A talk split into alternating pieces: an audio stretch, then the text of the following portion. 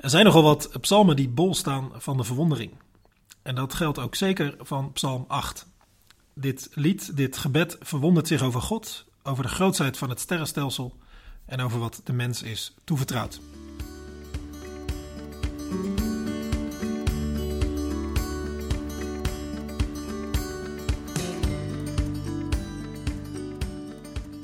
Ik zal eerst maar deze psalm 8 lezen.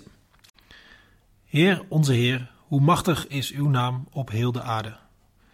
U die aan de hemel uw luister toont, met de stemmen van kinderen en zuigelingen, bouwt u een macht op tegen uw vijanden, om hun wraak en verzet te breken. Zie ik de hemel, het werk van uw vingers, de maan en de sterren door u daar bevestigd? Wat is dan de sterveling dat u aan hem denkt, het mensenkind dat u naar hem omziet?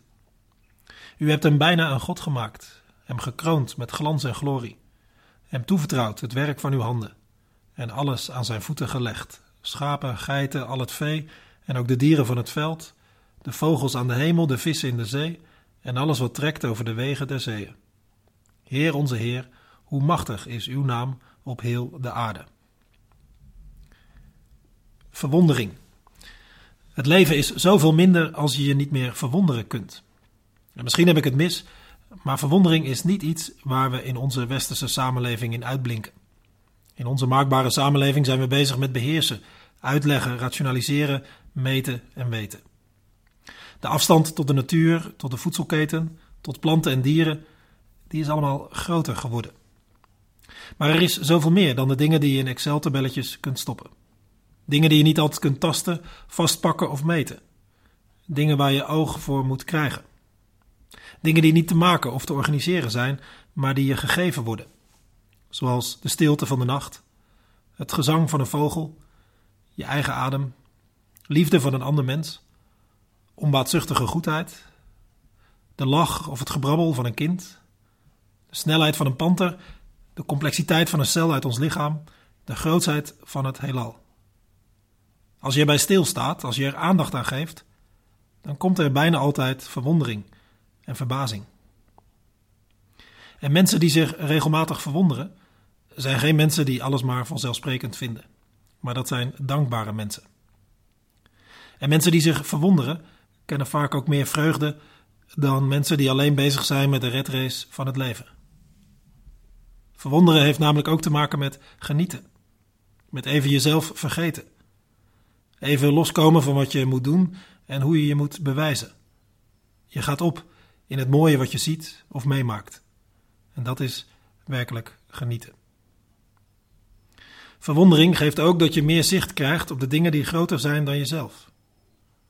De stap van verwondering naar geloven in iets groters dan jezelf is daarom niet zo groot. In het woord verwondering zit het woord wonder. En dat is natuurlijk een woord uit de taal van het geloof. Dat geloof in God, zoals dat in de Bijbel naar voren komt, dat gaat sterk uit van het wonder van het bestaan. Dat deze wereld er überhaupt is, dat er leven is, dat er kansen zijn, dat we zoveel kunnen. Voor een gelovig mens is dat allemaal allerminst vanzelfsprekend. Zo'n gelovig mens is ook in Psalm 8 aan het woord. En hij verbindt al die niet vanzelfsprekende dingen aan zijn God. Hij kijkt in vers 4 bijvoorbeeld in de nachtelijke hemel en zegt: Zie ik de hemel, het werk van uw vingers, de maan en de sterren door u daar bevestigd?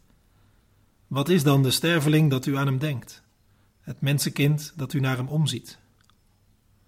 De grootsheid van zo'n sterrenhemel ziet hij als veroorzaakt door zijn God, die hij ziet als de schepper van hemel en aarde.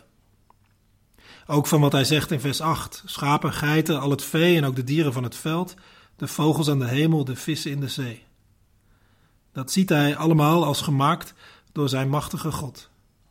En daarom begint en eindigt hij ook zijn lied als volgt: Heer, onze Heer, hoe machtig is uw naam op heel de aarde. En hij verbaast zich dan dat hij, als hij de grootheid van het sterrenhemel ziet, dat God dan zoveel aandacht schenkt aan mensen. De dichter beseft bij het zien van zoveel grootheid dat de mens een klein, sterfelijk, nietig wezentje is. Ik denk dat we allemaal misschien wel dat gevoel hebben gehad onder een heldere nachtelijke hemel. Zeker in een verstedelijkte samenleving met altijd en overal licht en geluid, kijken we niet zo vaak, misschien zo lang in een stille donkere nacht, dan de dichter van een paar duizend jaar geleden ergens in het Midden-Oosten. Maar toch zijn we vast wel eens onder de indruk gekomen van een heldere nachtelijke hemel, waarin we zoveel sterren zien dat we de, stel, de tel steeds weer kwijtraakten. En het zou zomaar kunnen dat we ook onze eigen kleinheid en kwetsbaarheid beseften bij het zien van zoveel grootsheid. Maar ook bij een stevige storm, of als we de kracht van de golf in de zee voelen, beseffen we onze eigen kleinheid. De bidden van Psalm 8 heeft dat dus ook. En hij verbaast zich bij het zien van zoveel grootsheid om zich heen, dat God die kleine mens überhaupt ziet. Dat God aan zo'n mens denkt. En dat God ook nog eens zoveel heeft toevertrouwd aan die mens. Hij zegt het als volgt: U hebt hem bijna een God gemaakt, hem gekroond met glans en glorie, hem toevertrouwd het werk van uw handen en alles aan zijn voeten gelegd. Verbazingwekkend dat God zoveel heeft toevertrouwd aan de mens. Deze gedachte is in lijn met het begin van de Bijbel, waar ook verteld wordt dat God de mens gezag heeft gegeven over de dieren en alles wat groeit. Het tragische is, zoals ook in de loop van de Bijbel al blijkt, dat de mens verre van, van zorgvuldig omgaat met al die dingen die hem toevertrouwd zijn. En dat is een besef dat inmiddels breed leeft. Er wordt misschien nog gediscussieerd over hoeveel invloed we als mens precies hebben op het hele ecosysteem. Maar er is nauwelijks discussie meer dat wij als mensen enorme schade hebben toegebracht aan de luchtkwaliteit, de biodiversiteit, aan de flora en fauna op deze aarde. Maar deze Psalm 8 spreekt niet van wat er stuk is gegaan. Dit lied blijft bij de verwondering. En deze psalm is ons gegeven dat wij ons zouden laten aansteken. Dat we ons opnieuw zouden gaan verwonderen over God en zijn macht, over de grootheid van het heelal, over de pracht van het sterrenstelsel, over alle verschillen in het dierenrijk. En ook over de plek van de mens in de werkelijkheid die wij kennen. Als je deze psalm meeleest, meebidt of meezingt, dan voedt je de verwondering in jezelf. Ik denk dat iets van die verwondering in ons allemaal zit.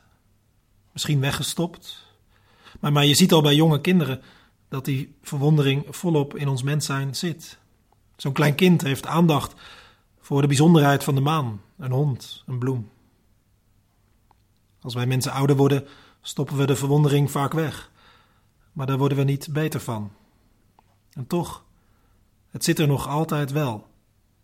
Want er zijn er maar weinigen die het volstrekt koud laat als ze bovenop een berg staan of een zonsondergang aan zee zien. En het ons kunnen verwonderen, dat stimuleert deze psalm. En in een westerse samenleving met overal en nergens gebouwen, technologie en dingen die gemaakt zijn, is het hard nodig dat we ons meer verwonderen over wat ons gegeven is, om niet. En waar deze psalm ook bij helpt, is om alle wonderlijke balijke dingen in deze wereld, om die te linken aan God en zijn grootheid, zijn macht. Want deze psalm legt die link heel sterk. Heer, onze Heer, hoe machtig is uw naam op heel de aarde. Dat is het kader van dit lied. Al het wonderbaarlijke van deze werkelijkheid is aan God te danken. En die grote God ziet ook nog eens om naar de mens. Sterker nog, hij heeft zoveel aan die mens toevertrouwd. In één zin zegt deze psalm: Verbazingwekkend groots is God.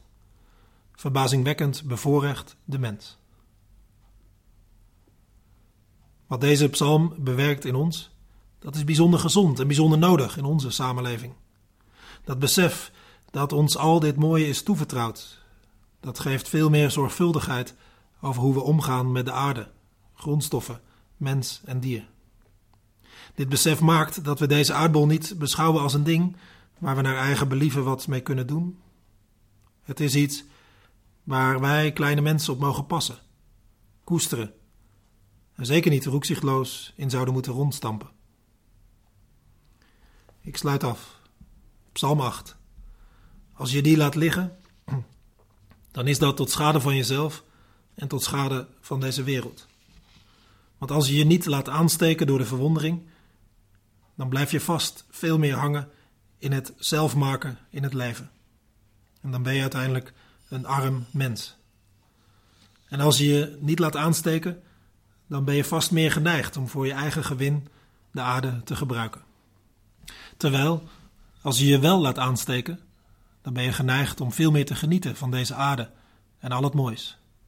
En als je je wel laat aansteken, dan ben je vast veel dankbaarder en blij om alles wat je gegeven is door God.